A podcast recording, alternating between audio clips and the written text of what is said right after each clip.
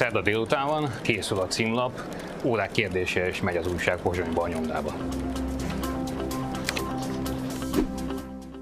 Általában interjú kerül a címlapra, de a 36 oldalon sok minden elfér. Például riportok. Mi tényleg oda megyünk, ahol az események történnek. És publicisztikák. Nem félünk a vitáktól és a bátor kijelentésektől. A hang.hu oldalon közben folyamatosan és gyorsan reagálunk az eseményekre. De több lábon kell állni, és a könyvkiadás már most egy sikertörténet. Legtöbb emberhez a műsorainkon keresztül jutunk el. Havi nézettségünk már átlépte az 1 milliót. Most épp a friss kultúrtáj készül, de összességében már heti hat adással jelentkezünk. Köszönjük, hogy támogat minket és veszi alapot.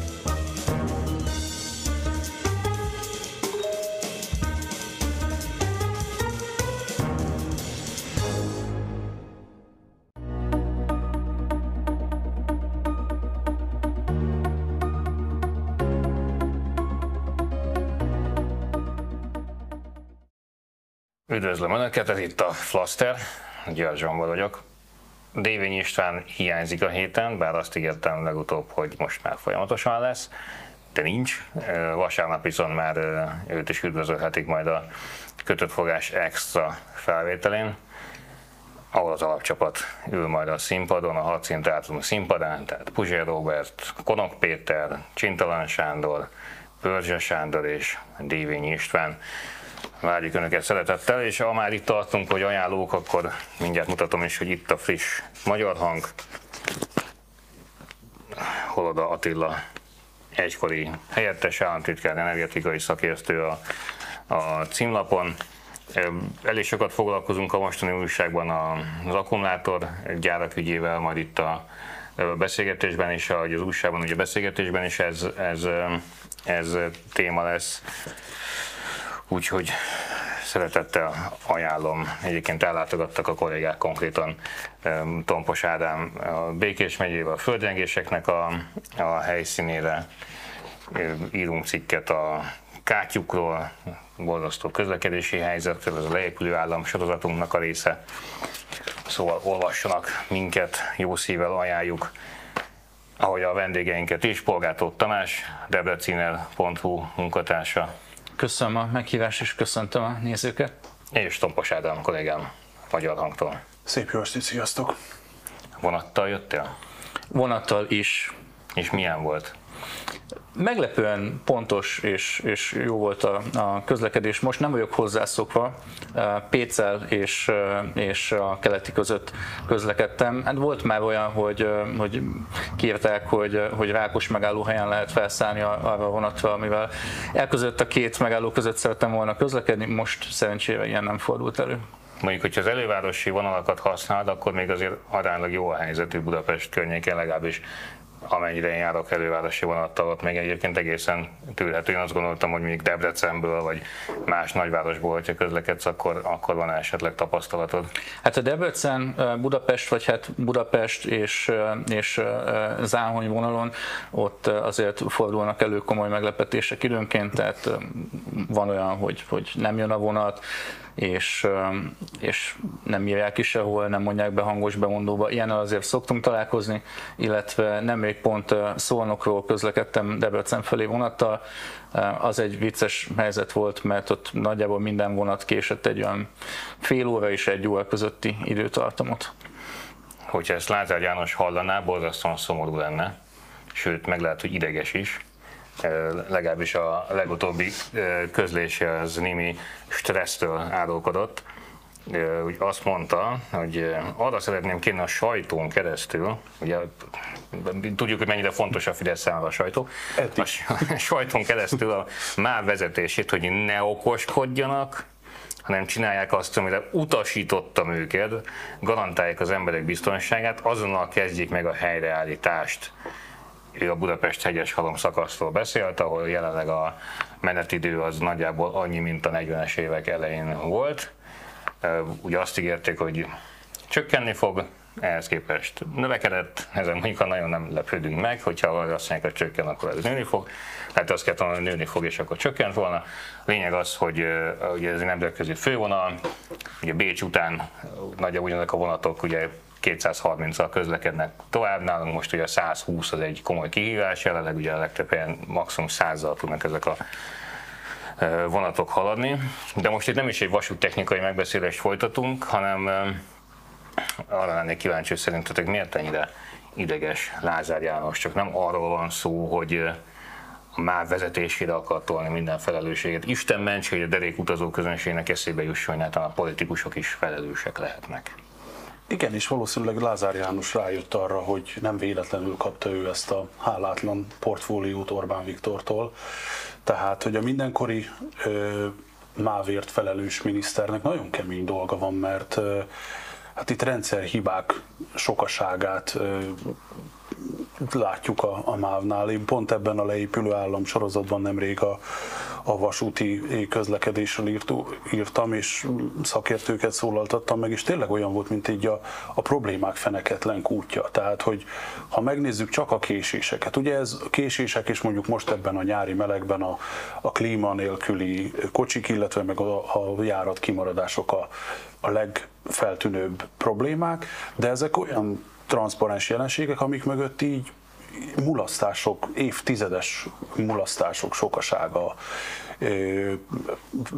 tolul föl, és hogy ebben benne van az, hogy, hogy egy csomó mindent egyszerűen így elhanyagoltak és leépültek. És ugye itt jönnek a, a klasszikus példa, ugye a, a szárnyvonalaknak a, a, a leépítése. Tehát, hogy ezt például Lázár János nagyon-nagyon szeretné szerintem, hogy, hogy valahogy, valahogy így ezt a mávos történetet, amennyire lehet, hogy, hogy neki a vonatokhoz köze van, hogy ezt a gyurcsányi örökséget, ezt így eltolja magától, úgy vonatostól, mávostól, mindenestől, szombathelyestől teljesen. Nem értem, hogy milyen problémák feneketlen kutyával beszélsz egyébként. Én ma délelőtt voltam Debrecen közgyűlésében, ahol ott Paplászó polgármester úr elmondta, hogy a Debrecen környéki vasúti fejlesztéseknek hála, amik teljesen függetlenek a, a multicégeknek jutatott 100 milliárdoktól. Ennek hála most már Balmazújvárosból és Debrecenből is nagyon könnyen be lehet majd jutni vonattal a BMW gyárba például. De, de egészen véletlenül nem pont nálatok a hajduságban történt az, hogy az integritás hatóság egy olyan vasútvonalat kezdett el vizsgálni, amit Mészáros Lőrinc újított fel. Tehát, hogy ott viszont akkor csak van valami probléma, hogyha ha még az integritás hatóságnak is föltűnik. Tehát Végre valami... vannak olyan nagyszerű magyar vállalatok egyébként, amik el tudnak végezni ilyen munkákat. Egyébként azért tegyük hozzá azt is, ha már a, nem tehetett el úgy 5 perc, hogy ne hangozzon el ez a csodálatos név, hogy Mészáros Lőrinc. Természetesen a Mészáros Lőrinc egyik cége, az az Aircord nevezető, most is végez ö, ö, munkálatokat, több milliárd forintról van, 24,2 milliárd forint értékű volt maga a közbeszerzés, de nem a pályát újítják föl, tehát ettől nem lesz még gyorsabb a, a vonat. Itt, ugye az merül csak fel bennem, hogyha van Magyarországon fontos vonal, nyilván a Debrecen-Budapest is az, de ami még talán ennél is fontosabb, azért mégiscsak a Budapest-Bécs, vagy hát ugye a hegyes halom a magyar szakasz illetően, hogyha ezt, ami tehát aki járna mondjuk a harmadik világbeli országokban, az is tapasztalta, hogy amikor leszállsz a repülővel, akkor legalább az a sugárút, amin bemész a fővárosba, azért az úgy rendben szokott lenni, még Afrika közepén is. Hogy a Tehát vannak presztízs területek, az én barátaim jelenleg Üzbegisztánban túráznak, ők Taskentből a ország túlsó felére egy 200 km-es sebessége haladó szupervonattal jutottak el. Tehát hogy vannak ilyen presztis dolgok, és hát ha a magyar közlekedésben van presztis, nem akkor... hogy ilyen országokat választunk új partnerek. De akkor legalább, legalább ilyen mintákat vennénk. Tehát ha van presztis vonal, akkor az mégiscsak ez kéne legyen. Igen. Tehát, hogyha ez nincs rendben, ezzel ennyi nyüglődés van, azért ez egy egészen aggasztó állapotot fest le. Hát nekem a személyes rekordom, én nagyon sokat közlekedem vonattal, és sokáig a személyes rekordom egy Cserdi Pécs három óra volt, egy mozdony kigyulladása miatt. Ez nem ér. Ez, ez nem ér, de tehát, hogyha ha egy mai mozdony lett volna, akkor, akkor mondanám, de tehát, hogy nem véletlenül volt ott egy, egy ősöreg mozdony, valószínűleg aznap az volt a soros. De aztán ez pont egy egészen megdöbbentő helyen sikerült ezt a negatív rekordot, ez minden szempontból emlékezetes időpont volt az én életemben. Egy Győr Budapest négy és fél óra val sikerült megdönteni, ahol Almás füzítőnél másfél óra állomá, állomá, állás után mondta azt a kalauz, hogy hát talán akkor most kifáradhatunk és megvárhatjuk a pótlóvonatot, ami csak azért volt probléma, mert január volt és elképesztő hideg. A másik probléma pedig az volt, hogy én éppen egy évvel korábban írtam meg, hogy az Almás füzítői állomáson tényleg mindent elloptak. Tehát, hogy még az, nem hogy az ablakot is, de még a radiátort is, és, és ott, ott fagyoskodtunk órákon keresztül, és hát aztán nagyjából, vagy nem, bocsánat, nem órákon keresztül, órákon keresztül jutottam haza, de, de ezt tényleg nem gondoltam volna, hogy egy fővonalon, ráadásul a nyugat-magyarországi fővonalon sikerül, sikerül megdönteni a késés rekordokat, mert az ilyen Miskolc-Budapest 3 óra, tehát az ilyen, az ilyen Ózd-Budapest 25 percek, ezek, ezek már így, így sima liba. Tehát, hogy ezeket, ezeket így be, én bekalkulálom, a menetrend nem.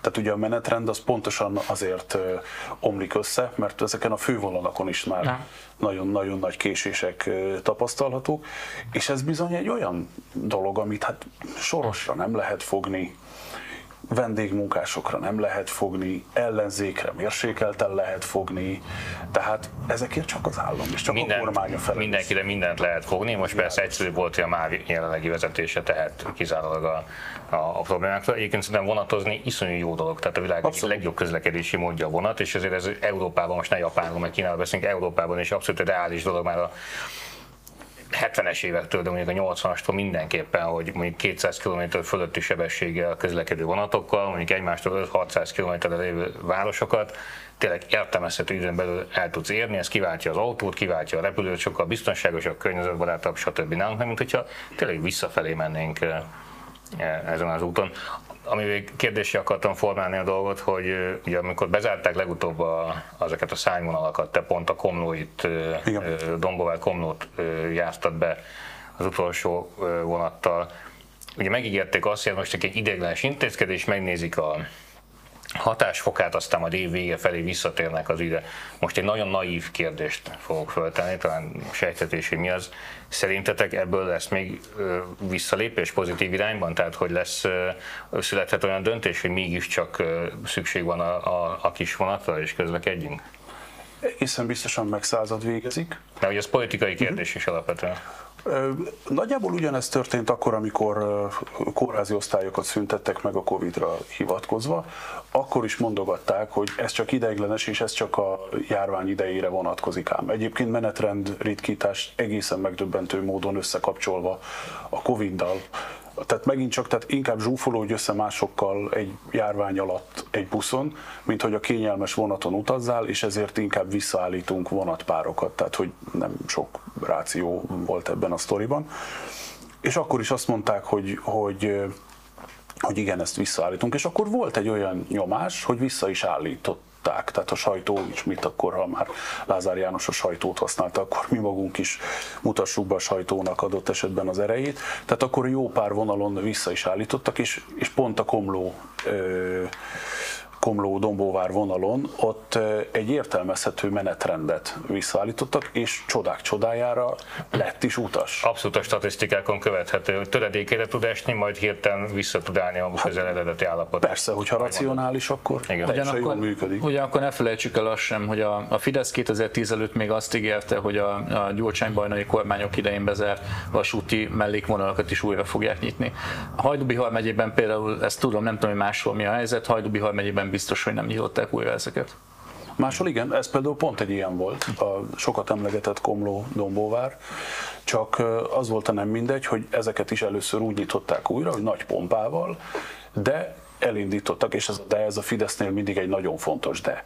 Tehát minden közpolitikai intézkedésnél vagy az volt, hogy a menetrend volt elképesztően életidegen, vagy az volt, hogy elkezdték megszüntetni a megállókat, tehát sokkal kevesebb helyen tudtál felszállni, ergo kevesebb lesz az utas, megint egy ok arra, hogy ritkítsunk és úgymond spóroljunk, miközben ugye Vitézi Dávid nagyon plastikusan elmondta, hogy ezekből a spórolásokból egy MÁV középvezető éves fizetését spórolja meg a vasút. Tehát, Jó, de azért azt nagyon fontos megspórolni azért. azért ha jó középvezető, akkor fontossági sorrendet azt be kell tartani. Igen, hát ha fontos elvtárs, akkor, akkor fontos, fontos a spórolás is, igen. Egyébként nem gondolom, hogy az, ami látszik Lázár János mostani szavaiból, hogy, hogy az egy új tendencia lenne, csak ezt ő nagyon a, a nyilvánosság előtt végzi most jelenleg. Én arról értesültem például, hogy Debrecenben a helyi közlekedési vállalatnál is ugyanez a helyzet, a, ott a városvezetés mondja meg gyakorlatilag, hogy srácok ne okoskodjatok, tudjuk mi azt, hogy hogyan kell megszervezni a tömegközlekedést Debrecenben. Hát messze földön híres is egyébként az ország egyik, hát én azt gondolom, hogy az ország egyik legmegbízhatatlanabb rendszere, ami ott van sajnos. Ez a jó a fideszes politikusokban, hogy mindenhez értenek. És ettől működik is. Például, például Debrecen, hát arra nem is beszélem. Igen. Mines birtoktól a bizmut vonatig, tehát hogy... Igen. Na, ha már elvtársak, haladjunk tovább, ez igazán egy nulladik téma volt az a Vasút Tamás, nem is tudott róla, hogy fel fogom hozni, úgyhogy elnézést. Csak annyira kikívánkozott ez, ez belőle. Meglepetés. Igen. Szóval Vladimir Putyin, na most nem külpolitikáról fogunk alapvetően beszélni, hanem az orosz tankönyvekről, amelyek hát valószínűleg azért Putyin elvtárs megrendelésére készülnek itt folyt egyfajta vita az elmúlt 24-48 órában is, hogy akkor benne van, nincs benne, az orosz nagykövetség kiadott egy szerencsétlen közleményt, ott a forradalmat azért idézőjelbe tették, ugye, hát azért a biztonsági kedvéért. Beszéltünk több Oroszország szakértővel a mai nap során is, megkértük őket egyébként, hogy, hogy mondják, hogy pontosan mi is van ezekben a tankönyvekben, illetve hát egy tankönyvről van szó konkrétan, mert hiába kenik, hogy több verzió mozog, igazából egy van. Ezt például már mi is átvettük, ugye, hogy azért egyfajta tankönyvből lehet tanulni, nehogy, nehogy itt valaki eltéve egy a ideológiák ingoványában. Szóval a lényeg a lényeg, hogy ebben a derék új orosz tankönyvben, ugye az 56-os forradalmat ugye lényegében a fasiszták felkelésének nevezik, illetve hát elhangzanak olyan mondatok is, vagy leíródnak olyan mondatok is, hogy hát nem is biztos, hogy azért az orosz csapatokat, vagy szovjet csapatokat ki kellett volna vonni a, a keleti blokkból, például ugye Magyarországról. Na most ez egy geopolitikai, nagypolitikai kérdés, most faszterezzünk, ugye. Nem nagyon láttam azt az elementáris felháborodást mondjuk a Fideszes közegben, nem tudom, ti láttatok-e, amely azért alapvetően mégiscsak mondjuk egy antikommunista, nem feltétlenül orosz barát közösség volt azelőtt, hogy Orbán Viktor nem mondta volna azt, hogy tessék szépen megfordulni, és most arra megyünk tovább. Szóval, hogy azért ez mégiscsak egy ős Fideszesnek a lelki világát csak kikezdi, hogyha itt lefasisztázzák 56-ot, meg orosz csapatokat akarnak visszamozgatni, legalábbis elméletben Magyarországra. Jolánka néni, miközben már készül, hogy szavazhasson a Fideszre, vajon miért nincs felháborodva ezen? Én mélységesen felháborítónak tartom egyébként, hogy, hogy semmiféle komolyabb reakcióra nem, nem méltatják Putyin elnök úr lépéseit, amelyeket a, a magyarországi történelem Oroszországon való megismertetéséért tesz. Én úgy gondolom, hogy illene legalább valamilyen patinás magyar intézmény díszpolgári címét felajánlani neki, például teszem azt a Debreceni Egyetemét, mintha már lett volna Igen. ilyen egyébként emlékezetem szerint. Én, én nagyon várom az egyébként ott tanító Pósán László Fideszes országgyűlési képviselőnek a, a reakcióját majd erre. Ő történész végzettségű, és, és ő szokta tartani egyébként a, az ünnepi beszédeket, vagy legalábbis nagyon gyakran ő tartja az ünnepi beszédeket október 23-án. Kíváncsi leszek, hogy a, a Brüsszel az új Moszkva helyével visszatéve majd a Moszkva az új Moszkva, csak az a Moszkva az mindig is jó volt igazából hozzánk. Hát a politikai reakció annyi volt, nagy nehezen Mencer Tamás, a mindenhol jelenlévő és minden kamerába belemosolygó Mencer Tamás, aki egyáltalán nem magamutogató, múltkor kikérte magának, hogy ezt mondtam róla, vagy ezt írtam. Mindegy, szóval nem, nem magamutogató Mencer Tamás, annyit mondott, hogy ez, erre a kérdésre nem is nyitunk vitát érdekes módon mondjuk egy, egy svéd vagy egy osztály nagykövet előbb bent találja magát a külügyminisztériumban. Egy sokkal kevésbé érdekes vagy faj, fajsúlyosabb ügy kapcsán. Egyébként egy kicsit, kicsit annyiban hat külpolitikázzak, hogy 7 évvel ezelőtt ugye nagyjából ugyanez a narratíva egy orosz televíziós műsorban elhangzott, és akkor ógva mógva ugyan behívta Szijjártó Péter az orosz nagykövetet, aztán lehet, hogy sutyomban az lett a vége, hogy vettünk megint 5-6 év gázszerződést, tehát hogy ezt, ezt nem tudjuk, de nekem, nekem ebben, a, ebben a, a történetben az az igazán hát izgalmas vagy érdekes, tehát azért mégiscsak van súlya, és nem szeretném ezt így így, mert meg hát mégiscsak a mi történelmünkről és a mi emlékezett politikánkról van szó, de igazából úgy fogalmaznék, hogy riasztó. Tehát, hogy nekem van egy nagyon kedves könyvem, Péter Pomerancev írta, az a címe, hogy semmi sem igaz, bármi lehetséges. Ez arról, a, arról az Oroszországról, arról a putyini Oroszországról szól, amikor tényleg egy ilyen, egy ilyen nagyon katyvaszos, posztmodern államot működtettek, hogy azért egy kicsit autokrácia, megvannak a demokratikus díszletek, de azért alapvetően arról, nem arról szól, hogy súlykoljuk a propagandát, hanem hogy így elkenjük, és így, így, így a fake newsoknak, ugye a trollfarmoknak a keltetésével elindítjuk, elindítjuk ezt, a, ezt az egész narratíva hadjáratot. Ugye több elemző mondta azt, hogy ennek 2022. február 24-én gyakorlatilag vége szakadt ennek az Oroszországnak. Ugye nettó sztálinista berendezkedés indult ott el, tehát tényleg gyerekrajzokért visznek börtönbe embereket, tehát hogy itt már nincs elkenés, itt már nincs posztmodern, itt már kőkemény autokrácia és diktatúra van Oroszországban. Ellenben Magyarországon az az orosz követség, amelyik látta, hogy hoppá, itt még a természetes fejlődésben Magyarország még nem tartott, ahol a, a dicső poszt-Szovjetunió, ott még ezt a régi módszert kell elővenni, és akkor bedobni ilyen feltehetően kamusztorikat, hogy igazából több tankönyv volt, és ők egy próbaváltozatot, vagy egy ilyen, vagy nem a, nem a később érvényest találták meg.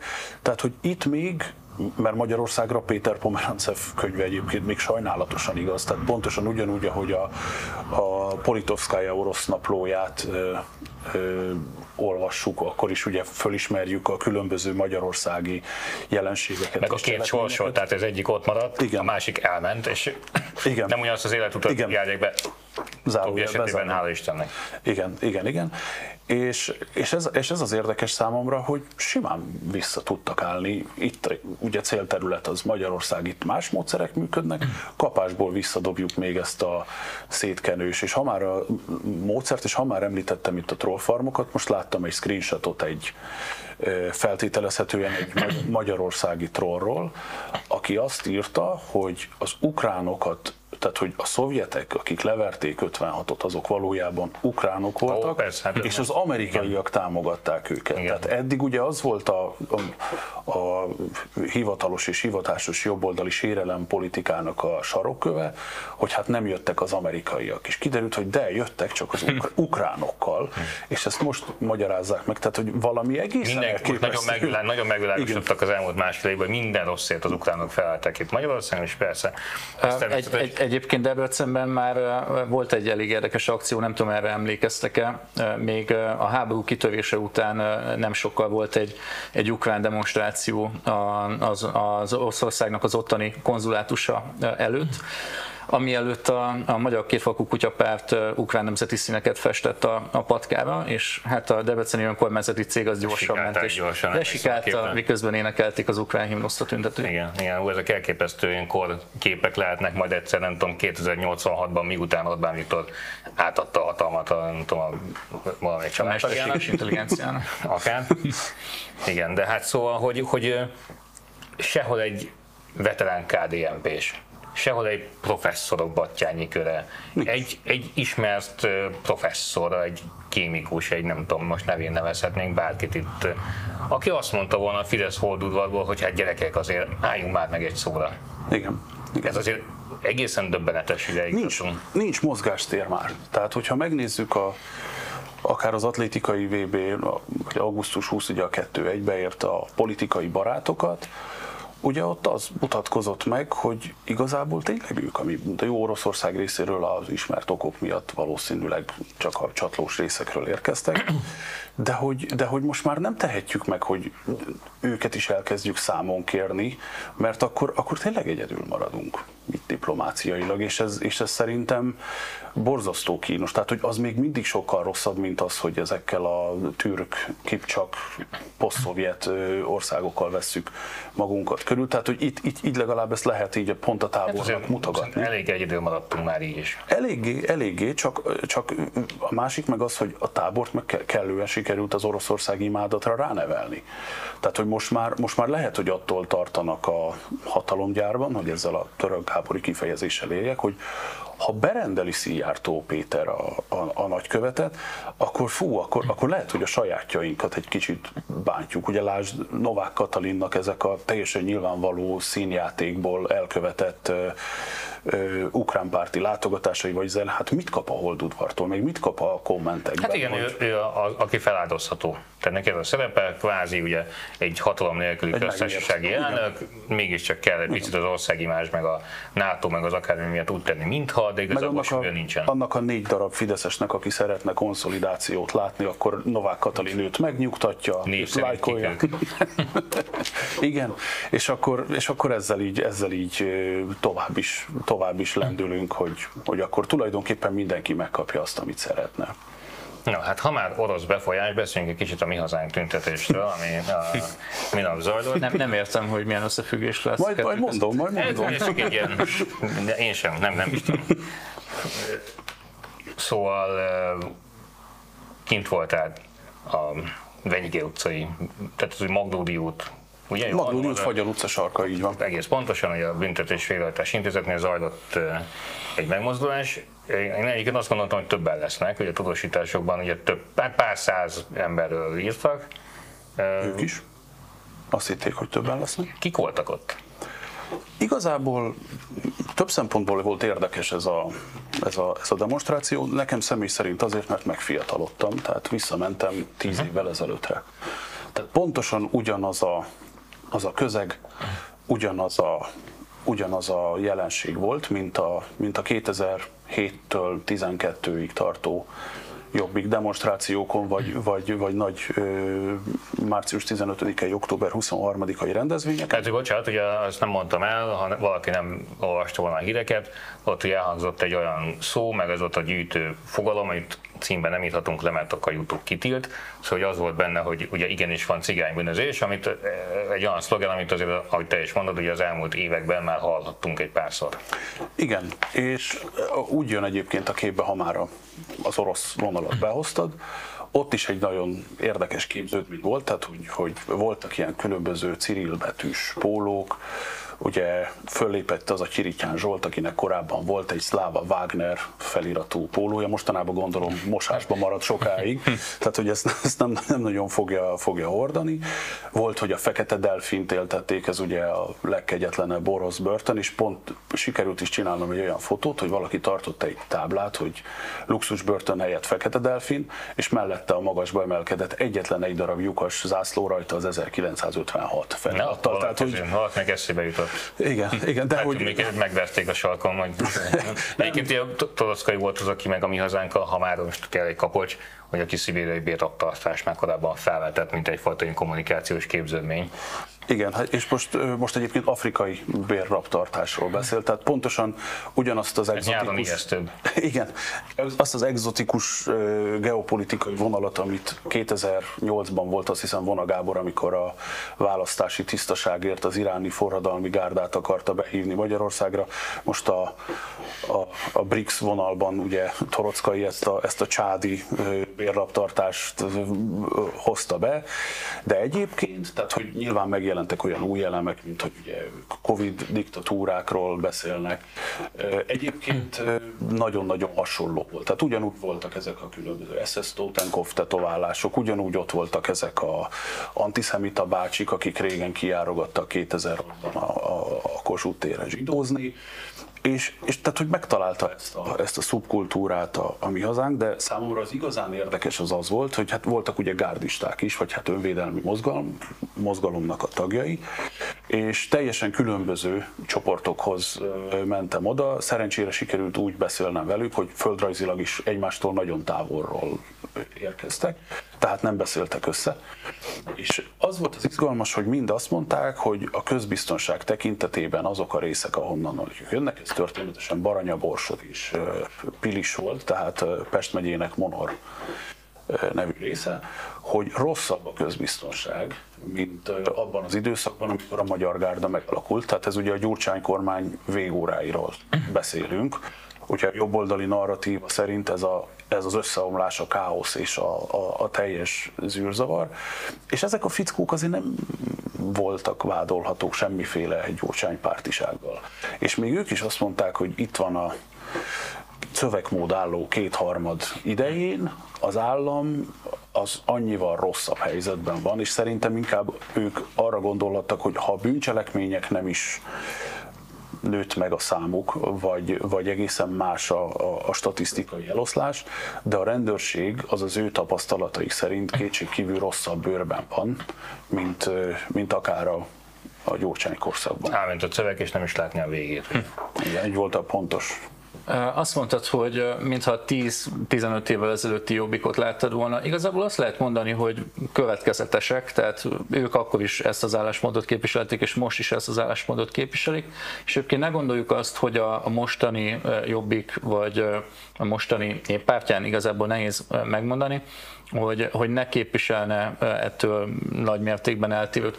2021-ben, tehát az, azért az már nagyon a néppártosodott jobbik, vagy hát látszólag néppártosodó jobbik időszaka volt.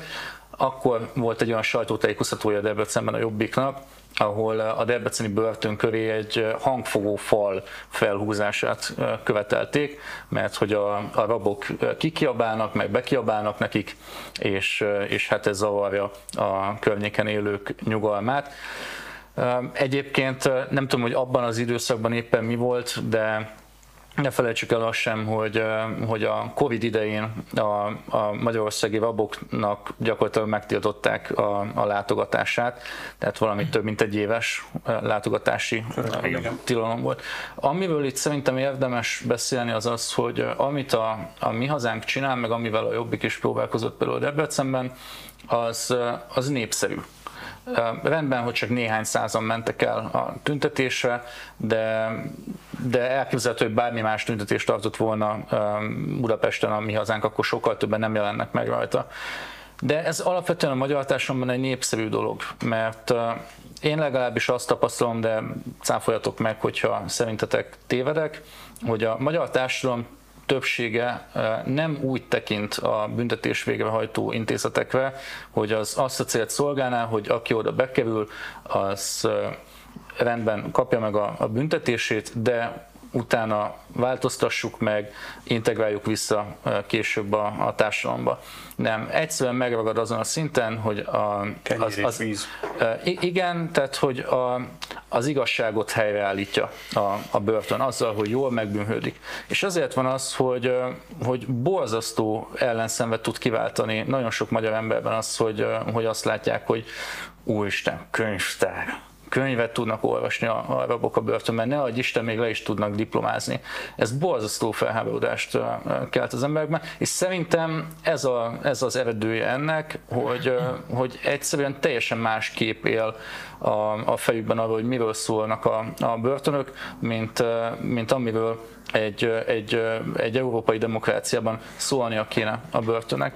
És, és szerintem egyébként a kormány is alapvetően ezt sugalja, ezt próbálja súlykolni a fejekben, például az ilyen intézkedésekkel, mint ahogy voltak, a ugye, volt a Covid, voltak ugye börtönperek is, igen, meg egyébként ez régi, a 80-as években is balhé volt abban, hogy hogy lehet, hogy a börtönben van banán, a piacon meg nincs. Tehát ez, ez nem egy új keletű jelenség egyébként, de tényes valami része a, társadalmi vitáknak. De most akkor picit a börtöntől ellépve, most ugye maradjunk a bűnözésnél, most egyre csak így lecsupaszítva, és kicsit provokálnak. Mi van, hogyha igazuk van? Hogy ez egy olyan probléma, ami mondjuk a végeken, és most nem a, a Debrecen főteréről beszélünk feltétlen, vagy nem a, nem tudom, belbudai kis utcáról, hanem azokról a végekről, ahol egyébként magyar emberek százezre élnek, a hangjuk az nem nagyon jut el sehova. A rendőrség lehetőségeiről, és egyébként most nem a konkrét rendőröket bántva ezzel. Nagyon sokat beszéltünk ebben a műsorban, és leginkább arról, hogy mennyire kevesen vannak. Mi van akkor, hogy emberek százezrei amúgy nem ok nélkül érzik, úgyhogy ki vannak szolgáltatva. Szerintem ezt, ezt lehet egyébként mondani, hogy, hogy igazuk van, mert persze minden ideológia és, és kultúrának a, a kérdése. Én úgy gondolom, hogy, hogy az a judeo-keresztény hagyomány, ami, amire épül a, a mi kultúránk is alapvetően, az, az mégiscsak elvileg a, a megbocsájtásnak a, a, a pártján kellene, hogy álljon, és, és hogyha pedig ezt veszük alapul, akkor nyilvánvaló, hogy csak úgy lehet visszaengedni valakit a társadalomba, hogyha a börtönben nem, nem tovább radikalizáljuk, nem, okay. nem még rosszabb. Persze, de ez, ez, ez, ez, ebben abszolút igazad van, és nyilván nem lehet egy normális embernek célja az, hogy, hogy egy kisebb bűncselekményért elítélt ember gátlástalan vérengző bűnözőként jöjjön ki a börtönből. Tehát ez normális ember nem vágyhat erre, még hogyha amúgy emberileg, meg szociálisan, meg semmilyen más szempontból nem is érez együtt azzal a, a, a figurával. Ez mindenkinek nyilván a, a szíve joga eldönteni, hogy, hogy mit érez irántuk. Itt alapvetően a, a hétköznapok kiszolgáltatottságára kérdezek igazából rá. A, az, egy, az egy olyan jelenség, bocsánat, hogy ott viszont ha, ha egyes esetekben a mi hazánkos figuráknak igaza is van, akkor ott nekünk kell hozzátenni egy hatalmas nagy de felirattal kezdődő monológot. Tehát, hogy a mi hazánk abból csinál lényegében politikát, egyébként a Fidesz legnagyobb megelégedésére és örömére meggyőződésem szerint, még ha erről a mi hazánk nem is feltétlenül, tehát nem azt mondom feltétlenül, hogy itt valami színfalak mögötti összjáték van, hanem a Fidesznek nagyon jól jön az, hogy a közrend, a közbiztonság kérdését, ami egyébként neki lenne a dolga, egy szövegmódálló kétharmaddal mégis mi az, ami akadályozza őket abban, hogy rendet tartsanak és biztonságot teremtsenek. Ugye ez mindig, a, erről szoktunk beszélni, hogy ez a legfőbb hívószó Magyarországon mindenben, hogyha ez nincs, akkor adott esetben, aki ezt követeli, és nagyon radikálisan, adott esetben sokszor szándékosan, szalonképtelenül követeli ezt, akkor a Fidesznek abszolút jól jön az, hogy a, a baloldali vagy liberális ellenzék automatikusan azok az oldalára fog állni, egészen más szempontból, egészen mhm. más szociokulturális közegből nézve, hogy nem, nem az elszenvedők, nem, a, nem az áldozatok, hanem adott esetben néha az elkövetők oldalára is. És akkor meg ezzel ugye kapásból ö, egy másik ellenfélhez méri magát az az ellenfél, amelyik elvileg ugye rendszer kritikus akar lenni, és ugye ebből, ebből az lesz, hogy lesznek majd ilyen Momentum Mi Hazánk tüntetések, tehát momentumos ellentüntetéssel kísért mi hazánk tüntetések, a fideszesek meg ülnek és malmoznak. Világos, tehát véletlenül se tűnjön úgy, hogy én most a mi hazánkot védeni akarom, csak van egy ilyen hálátlan szerepem, ugye, hogy, hogy meg kell világítanunk minden pozíciót, és hogyha mondjuk most elbeszélgettünk 10 vagy 100 random emberrel az ország bármelyik pontján, és felvetjük ezeket a kérdéseket, akkor azt fogja mondani, hogy, hogy igen, ez egy, ez, egy, ez egy valós probléma, hogyha ő itt mondjuk a városban nem is feltétlenül éli ezt meg, tudja, hogy ez a probléma velünk él, és nem lehet két hét alatt uh, rend. És ugye azt mondod, hogy a Fidesznek kedvez, viszont hogyha azt hallja, és mi azánk azért tesz arról, hogy ezt az emberek hallják, hogy azért komoly közbiztonsági problémák vannak, akkor ez nem feltétlen kedvez így, így a direkt módon a kormánynak. Úgy indirekt módon, hogy egyébként majd a mondjuk úgy, hogy liberális vagy baliberális ellenzék ráúrik erre és elkezdi támadni a mi hazánkat, ez, ez, ez nyilván már egy, egy másik politikai helyzet. De mégiscsak ez egy kérdés, hogy ha egy ügyben száz emberből 90 jó eséllyel ugyanazt gondolja, és miközben az ellenzék, a mainstream ellenzék meg ez nem így gondolja, akkor itt egy olyan ellentét támad, amit pillanatnyilag a mi hazánk tud feloldani. És ezt nevezzük el mondjuk népi urbánus ellentétnek, és akkor nem, hogy ott vagyunk, ahol 2008-12-ben voltunk, hanem ott 1908-12-ben hát, körülbelül. Igen, egy jobb időutazás. Igen, igen, tehát hogy, tehát hogy itt lesz az, hogy, hogy az, a, az a közeg, aki nem szembesül első kézből ezekkel, a, ezekkel az információkkal, nem fog tudni mit nem fog, nem, nem, nem fog neki jelentőséget tulajdonítani Egyébként tulajdonképpen. Például a ti közvetetekben, amelyet te mozogsz, ez mennyire téma most túl azon, hogy volt az a tüntetés vagy megmozdulás, amit említettél? Gyakorlatilag egyáltalán nem téma. Az, hogy, hogy milyen, milyen politikai hatásai lehetnek ennek egyébként, és hogy miért jó a Fidesznek. Hát például azért, mert lesznek önkormányzati választások, és itt az adás előtt már beszélgettünk arról, hogy, hogy Debrecenben mennyire formálódik az, hogy, hogy melyik párt milyen, milyen módon fog indulni a, a választásokon, és tehát az már látszik, hogy a mi hazánk az, az külön indul.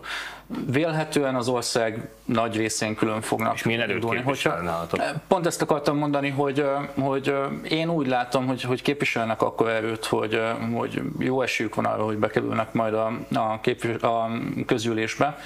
És ez, ez vidéken máshol is így van valószínűleg.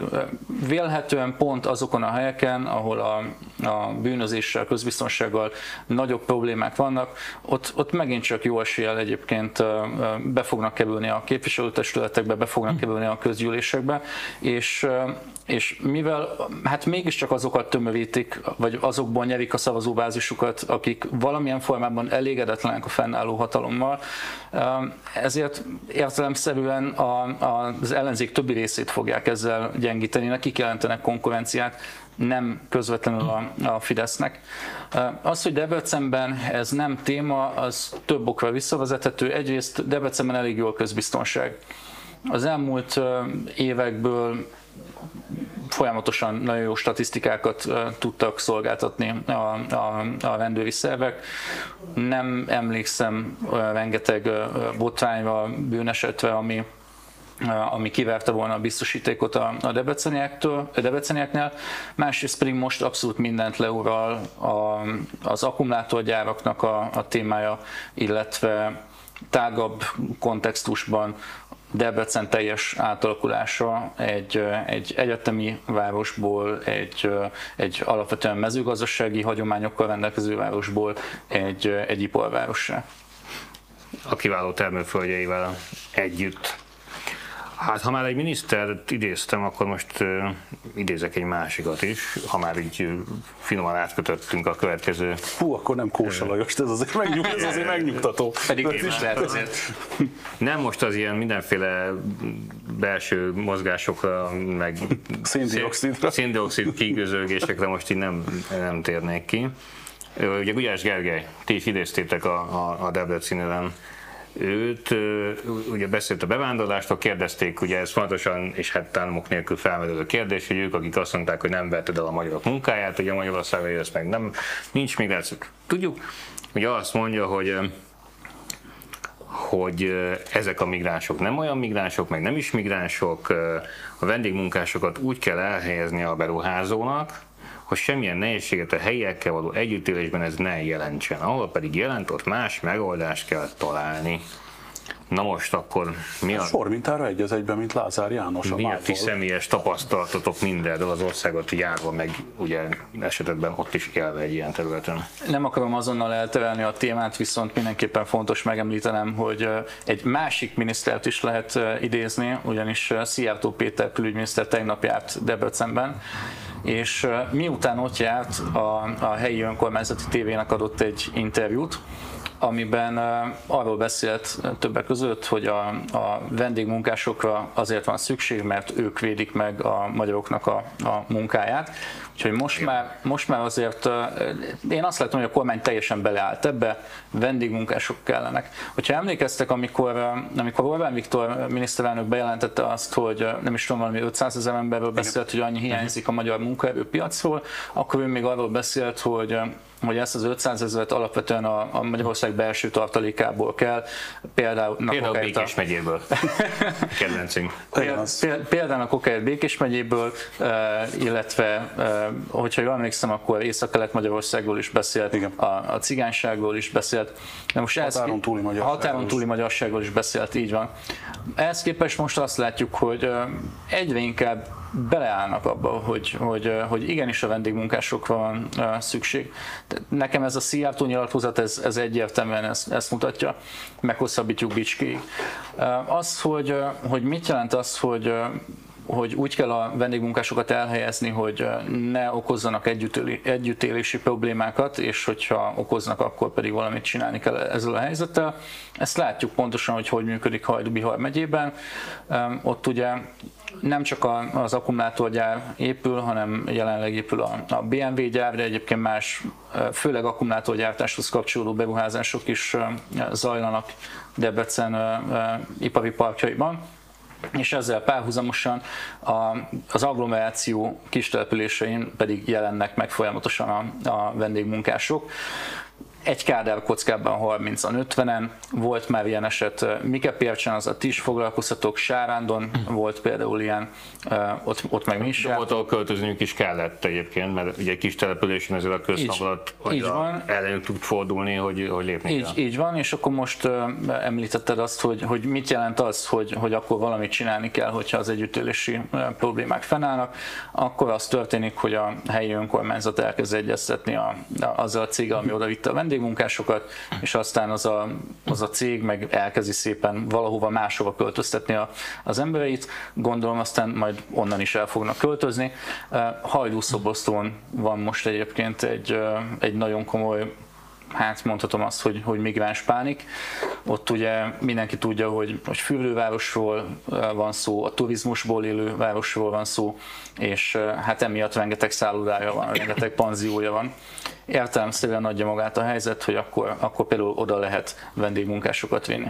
Mert 2000-es évek közepén sokat foglalkoztam Franciaországgal, meg nagyon sokat jártam is kint, Ugye akkor ott már eléggé durvult el a helyzet, 2005-ben volt az első ilyen igazán nagyobb elővárosi balhé, ugye egy nap több száz autót fölgyújtottak, talán sokan emlékeznek el az időszakra. Ma már nem annyira meglepő, de akkor még ez, ez tényleg sokként hatott. Csak ugye sokszor elhangzott, hogy ezeknek a, a, a ott élő máshonnan származó, alapvetően színesbőrű, afrikai eredetű, vagy közel-keleti eredetű hát nem, nehéz őket, mert migránsnak nem nevezhető, hiszen már ott születtek, tehát igazából francia állampolgárok. Nem hátterű ez a szép kifejezés. Az ő nagyszüleik, mondjuk nem is a szüleik, inkább a nagyszüleik érkeztek még mondjuk a 60-as években Franciaországban. Harmadik generációs francia. És, um, Egyébként igen, ez így, ez így abszolút korrekt, de hogy az ő nagyszüleik valóban dolgozni érkeztek a, a világháború utáni időszakban, de már inkább a 60-as években is, valóban építették a gyárakat, dolgoztak, és messze nem okoztak még olyan társadalmi feszültséget, mint most az ő unokáik, akik meg azt élik meg, hogy már nem tudják milyen Kongóban, mert sose jártak ott, ők azt élik meg, részben okkal, hogy, hogy, hogy ők sosem lesznek teljes értékű francia állampolgárok, mert hiába mondja azt a francia állam, hogy bejött ide, leteszel mindent, ami a te kultúrád volt, innentől francia vagy, és akkor úgy érsz, mint egy francia, ez nem működik ugye azért láthatóan. Sokan ugye az itteni ideérkező, tízezrével egyébként ideérkező vendégmunkásokkal kapcsolatban elmondják, és egyébként én sem tudom ezt cáfolni, de nincs velük egyébként különösebb baj. Van, aki persze azt mondja, de van, meg voltak erőszakos esetek is,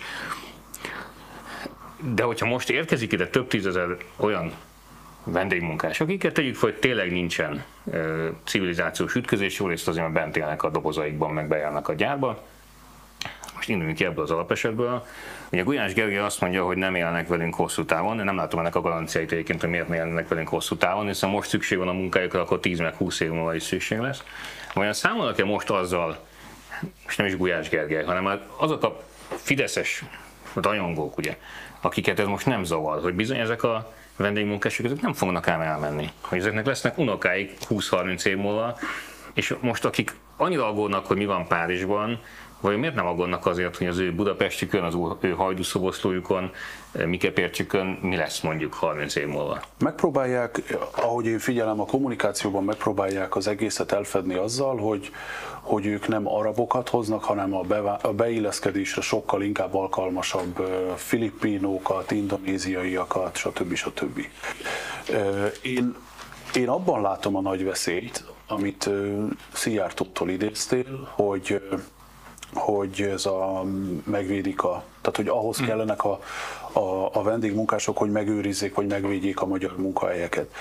Ez papíron jól hangzik, de valójában, tehát hogy a, okoz, tehát hogy vannak ebből surlódások, vannak konfliktusok lesznek is, tehát ahol férfiak egyedülállóan össze vannak zárva a város peremén, Igen. a konfliktus az gyakorlatilag De borítékol. van is, van is, van tehát is, ez van nem, is. nem, te most csak azt mondtam, hogy, hogy, Igen. hogy a mértéke nem az, mint ami Így van, fenyeget ez évtizedes távon. Igen, viszont ez a, ez, a, ez, a, ez a föltűnőbb.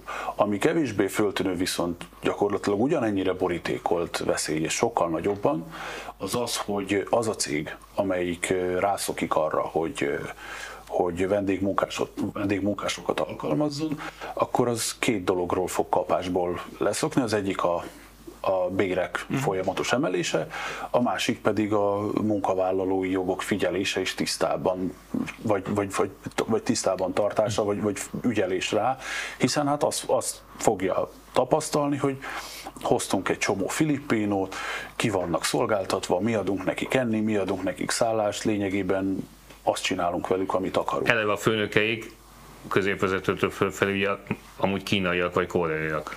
Igen. Tehát most, hogy abban a magyar munkavállaló hol van jelen, azt egyébként nem látjuk. Igen, igen. Hát a porta és az építető, és akkor ismét a Mészáros Lőrincnél vagyunk. És van akkor beszéltünk még Ástól is, ugye Győr és Komárom térségéről, ahol meg most megint csak ugye kérdés eddig arról beszéltünk, hogy mennyire hasít az a környék, és hogy, hogy alig lehet munkaerőt találni, ehhez képest most azt mondani, hogy a magyar munkaerőt tartjuk meg Ácson, hát.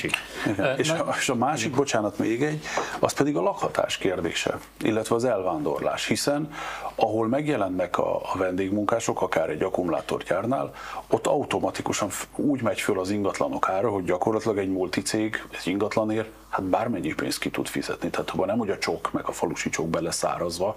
Tehát ott bár, tehát Iváncsán, én ott voltam egy ö, riporton akkumulátorgyár kapcsán, hát ott megcsinálták azt, hogy konkrétan újra nyitottak egy szállodát, a, ott nem tudom, ott SK van, talán nem CATL, tehát majd, majd hamarosan úgy meg fogjuk tanulni ezeket a betűszavakat, mint hogy Fidesz meg, hogy MSP, eh, mert, mert annyira az életünk részei lesznek.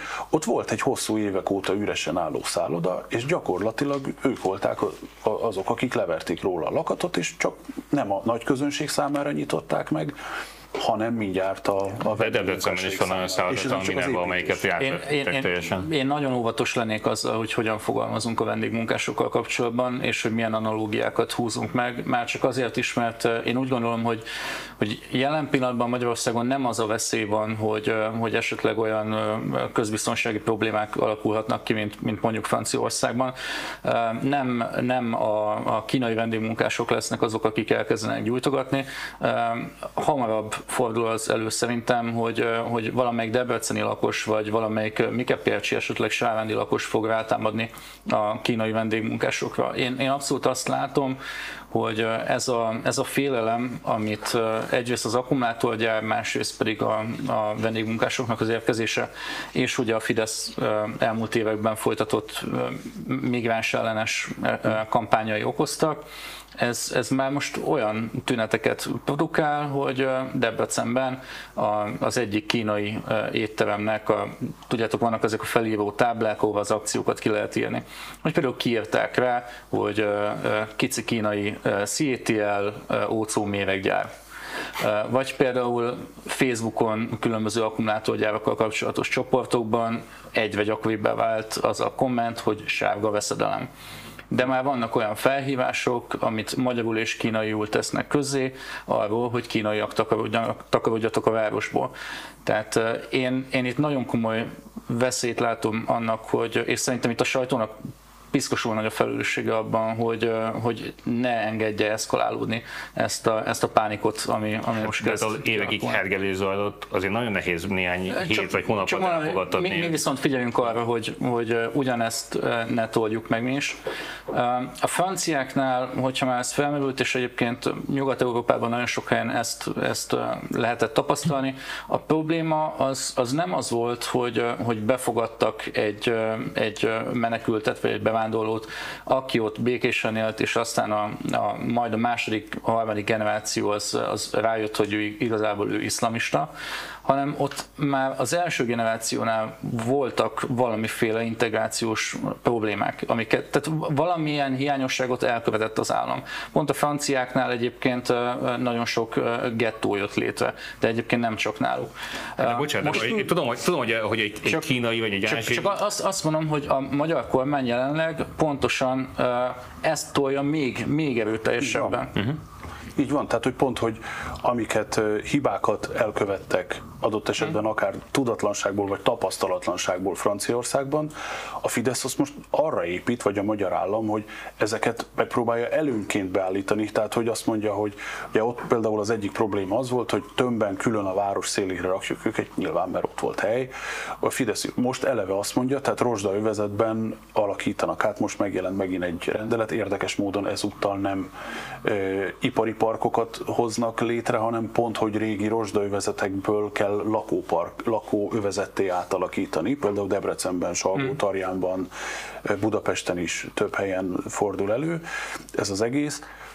De, tehát csak egy felsorolás így helyrajzi szám szerint körülbelül nem ismerem, de nagyobb összegbe mernék fogadni, hogy ez valami városperemi történet lesz. Ipartelepek ugye általában ott vannak. Igen. Tehát és ugye hogy ezekből származik a probléma pont. Akármennyire valóban van kulturális különbség mondjuk egy kínai, meg egy mondjuk egy fekete afrikai bevándorló között, és biztos így van, most ez egy olyan műsor, azért a tabukat döntögetjük, nyilvánvaló, hogy egy kínaival sokkal kevesebb probléma lesz egyszer mentalitásból, kultúrásokból kifolyólag, ez, ez, ez, ez nyilván, Én nyilván azért ilyen kijelentést nem tennék. Hát az élet ezt igazolja. Tehát azért Magyarországon eddig is élt de, de, Debrecenben tízezer kínai, és nem volt igazán társadalmi ütközés velük. Debrecenben egyébként nyilván az egyetem miatt eddig is elég sok fekete afrikai, illetve, illetve kínai is. Sosem az egyénnál van a probléma. És, és nem nagyon emlékszem olyanokra, hogy, hogy együttélési problémák lettek volna. Mert, mert nyilván egy értelmiségi, aki jön Afrikából, és nem az egyén, mert az egyén nyilván nem felelős és nem lehet különbséget tenni ember és ember között, de amikor ugye tömegével érkeznek olyanok, akikkel egyébként az állam rengeteg hibát követett el, azért ez egy más helyzet. Tudnék olyan sztorikat idézni, hogy Brüsszelben láttuk, hogy rohamrendőrök nagy ilyen csapatszállító buszokkal vágtatnak át a város egyik végéből a másikba, és csak megkérdeztük, hogy mi, a, mi történik és azt válaszolták, hogy, hogy választás volt, és az emberek nem elégedettek az eredménnyel, és kérdeztük, hogy választás itt Belgiumban. Hát nem Belgiumban, Kongóban, és azon vannak felháborodva, és nyilván Belgiumot okkal felelősnek tartják azért, amilyen állapotok ma Kongóban vannak, és a, azt az adott várost szépen szétverték, és utána ezek a csapatszátokkal vitték őket a, a, a rendőrségre. Szóval azért együttélési problémák vannak, és ezekben a csapatszátó buszokban azért általában nem kínaiakat visznek vastaverve. Tehát most de az, de az együttélési hadd engedjek, hadd engedjek meg magamnak ennyit anélkül, hogy ettől még Igen. ilyen rasszistának tűnjek fel. De, de az ezek, ezek megtörtént. De az együttélési problémák nem alapvetően azért vannak, mert hogy az a vendégmunkás bement abba az országba, hanem azért, mert őt mondjuk eleve egy gettósodott Igen, környezetbe persze, küldték persze. be. Az állam semmilyen törekvés nem mutatott afelé, hogy, hogy állampolgárá nevelje akár őt, akár a gyerekét, akár az unokáját, és, és ez aztán mondjuk pont a második, harmadik generációban aztán nagyon durván ki tud. És ezt mondhatod jelen, illetve jövő időben Magyarországra vonatkoztatva is. Egyébként Balogroli kollégánkkal szoktunk beszélgetni, azon meg szoktunk így egymásnak küldözgetni ilyen híreket, hogy Brighton, meg más angol kisvárosok külvárosaiban pakisztániak és indiaiak csapnak össze azon, mert egyébként Indiában kriket meccs volt, és a kriket meccs eredménye az az ottani Fradi Újpest, és, és, és ez Brightonban csapódik le több ezer kilométerrel nyugatra a mérkőzés helyszínétől. Tehát, hogy ez, ez, ez ilyen, is van, egy ilyen, ilyen van persze, Brüsszelben is volt ilyen egyébként a világbajnokság alatt, amikor Marokkó igen. játszott. Igen, igen, igen, igen. Villám téma, de nem akarok elmenni azért mellette viszont friss hír, hogy hétvégenként ezentúl Békés Csabai Kórházból Gyulára szállítják át a beteg gyerekeket, pénteken 16 órakor véget ér az ilyen jellegű ellátás. Néhány címet, csak beütöttem egy-egy kulcsot a, a Google-be, tényleg egy két perc cinkon erre a témára, milyen órákat lehetne róla beszélni. A Délpesti Centrum Kórházban, mert a János Kórházban is több napban leállt a traumatológiai ellátás, 2021. augusztus 13. Komlón jelentős részben áll a sürgősségi ellátás, Mohácson áll a szülészeti ellátás, 2022. június 1. A Szolnoki Kórházban csak hétfőn vagy szerdán lehet szülni. Hát tessék időzíteni, jó? 2022. július 6. Szünetel a gyermekintenzív ellátás, a Jásznak megyei hetényül a kórházban, elfogytak a szakemberek. Lemondták a teljes urológia ellátást a Szegedi Tudományegyetemen. Nincs elég orvosáll a szülészet a Szentesi Kórházban. 2022. december 22 milyen jó időzítés, ugye pont karácsonyat. Botrány a Fehérgyarmati Kórházban leállt a szívgyógyászati ellátás, miután két orvos letartóztattak, mert hálapénzt fogadott el. És hosszasan lehetne sorolni ezeket az ügyeket, ebbe a, a listához csatlakozott most ugye ez a Gyulai történet, tehát a Békés Csabai történet igazából, ha naív lennék és nem beszélgetnénk évek óta ezekről, akkor azt a kérdést tenném fel, hogy, hogy tényleg nem sokan be az emberek, és tényleg senkit nem érdekel ma az egészségügyi állapot, akkor úgy a kérdést, akkor sem a gyerekéről van szó olyan. Hát ezek sosem fognak már ezek az ügyek úgy ütni politikailag, hogy bármi következménye legyen? Nagyon nekem a, a nyár, ha engedjek meg ennyi személyes példát, nagyon-nagyon fontos tapasztalata volt a, a nyárnak nekem az, hogy még június hónap elején hat napot itt a közeli Semmelweis Beach-en töltöttem az egyik kórházban, és ugyan persze közélettel foglalkozom, az egészségügy rossz, ezt már nem tudom, felnőtt korom óta hallgatom, de most, hogy tényleg hat napot ben voltam egy kórházban, akkor döbbentem rá, hogy még én sem tudom, hogy mennyire rossz. Tehát, hogy mikor, mikor most, szembesül, most szembesülünk olyan egész egyszerű elemi hiányosságokkal, meg, meg olyan groteszk helyzetekkel, amiket, tehát hogy nem tudott túráztatni az agyat, hogy belegondolj, mert ilyeneket csak a valóság tud produkálni. És igazából az emberek úgy vannak vele, hogy, hogy nagyon-nagyon hozzászoktak, és ameddig nem lesznek érintettek, de nagyon-nagyon első kézből érintettek, addig elintézik azzal, hogy az egészségügy rossz. Aha. Mindig hétfőről, hétfőről jön a ked. Az ég, meg, az ég meg kék, a fű meg zöld. És, és, és, és, megyünk tovább. Csak amikor tényleg az van, hogy, hogy a szerette az embernek, hogy akár önmaga bekerül, akkor ijed meg, hogy hoppá basszus, tényleg nagyon rossz. Szerintem ez, is, igen. igen. Szerintem is az, az az alapvető probléma, hogy, hogy berögződött ez már, hogy, hogy az egészségügy rossz.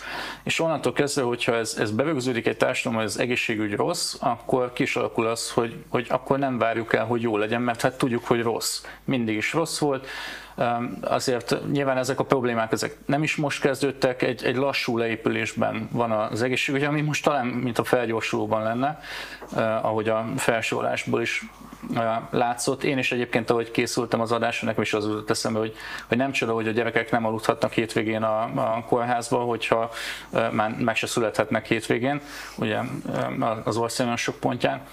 Ami, amit elképesztően aggasztó egyébként az ilyen, ilyen esetek kapcsán szerintem, hogy eddig is az volt nyilván sok helyen, hogy, hogy amint lehetett a fekvőbetegellátásból kifelé tessékelték már a, a betegeket, és, és itt is fennáll ennek az esélye, hogy hát esetleg megfontolják azt, hogy, hogy amikor még még úgy, úgy lehet, hogy még egy napot inkább ráhúzattak volna azzal a gyerekkel, hogy aludjon ott még egy estét a kórházban, lehet, hogy most inkább úgy fognak már dönteni az orvosok, hogy akkor menjen haza, mert most még átszállítani téged, az, az, az már nagy macera. Nekem hat évesen egyébként volt egy mandula műtétem, amit alapvetően azért úsztam meg, mert hogy édesanyám kardoskodott mellette, hogy, hogy aludjak ott a, a kórházban. Haza akartak küldeni már akkor is és hogyha hazaküldtek volna, hogyha nem erőszakoskodott volna ennyire, akkor, akkor én ott elvéreztem volna. És, és ki tudja, hogy hány ilyen eset fog történni, akár az ilyen Vagy intézkedések történt. miatt. Vagy történt már eddig is, igen. Ami pedig effektíve magát a, a helyszínt illeti, némi cinizmussal mondhatnám, hogy én csodálkozom, hogy ez Békés megyében, vagy különösen a délbékési térségben ez, ez még csak most történik meg, hiszen mondhatjuk, hogy ahogy például Debrecen készül az új Stálin városnál lenni, úgy Békés az új Borsod. Tehát ami például a demográfiai adatokból kijön, abból az látszik, hogy az elmúlt 10-13 évnek demográfiai és egyáltalán társadalmi szempontból Békés megye legalább akkora vesztese, mint például a rendszerváltást követően volt az észak-kelet-magyarországi régió. És például, amit, ami például itt előjött ebben a Gyulai Kórház, meg Békés Csaba a környéki át struktúrálásról, ez engem egy az egyben emlékeztet arra, ami két évvel ezelőtt a Vásáros Naményig kórháznál. Tehát, hogyha a hely, helyneveket kicseréljük, matekra ugyanaz jön ki. Ezért is soroltam, hogy gyakorlatilag Igen. kisváros, nagyváros, főváros, Igen, tehát hogy, hogy ezek mind, ezek, ezek valójában igen, beszélhetünk a, a, az egészségügy problémájáról is, de, de nagyon sokszor ezeknél az van, hogy, hogy itt, itt egy sokkal komplexebb társadalmi jelenség zajlik le, ami nagyon látványosan és, és nagyon károsan és nagyon kártékonyan az egészségügyen csapódik le először, és azt érezzük meg, vagy a gyerekeink érzik meg először ezt a leglátványosabban, úgyhogy út be föl sorakozott sajnos ez a település is, ezek között. Komló, tipikusan ilyen településeket mondtál, ahonnan az elvándorlás egészen nagy. No, hát eddig jutottunk ma, kicsit vidámabb ö, vizekre még evezve működtök, hála Istennek, látom, hogy szépen aktívan él az oldalatok. Működünk, bővülünk, Nagyon Úgyhogy- helyes, úgyhogy olvassanak Debrecinert is, meg támogassák a munkátokat, nagyon fontos. és magyar hangot is, és fizessenek elő. Köszönjük szépen, köszi, hogy jöttél, várunk máskor is. Köszönöm, Neked köszönöm. nem is mondom, ez természetes. Köszönjük a figyelmet, minden jót, viszontlátásra. Minden jót viszontlátásra. Viszlát.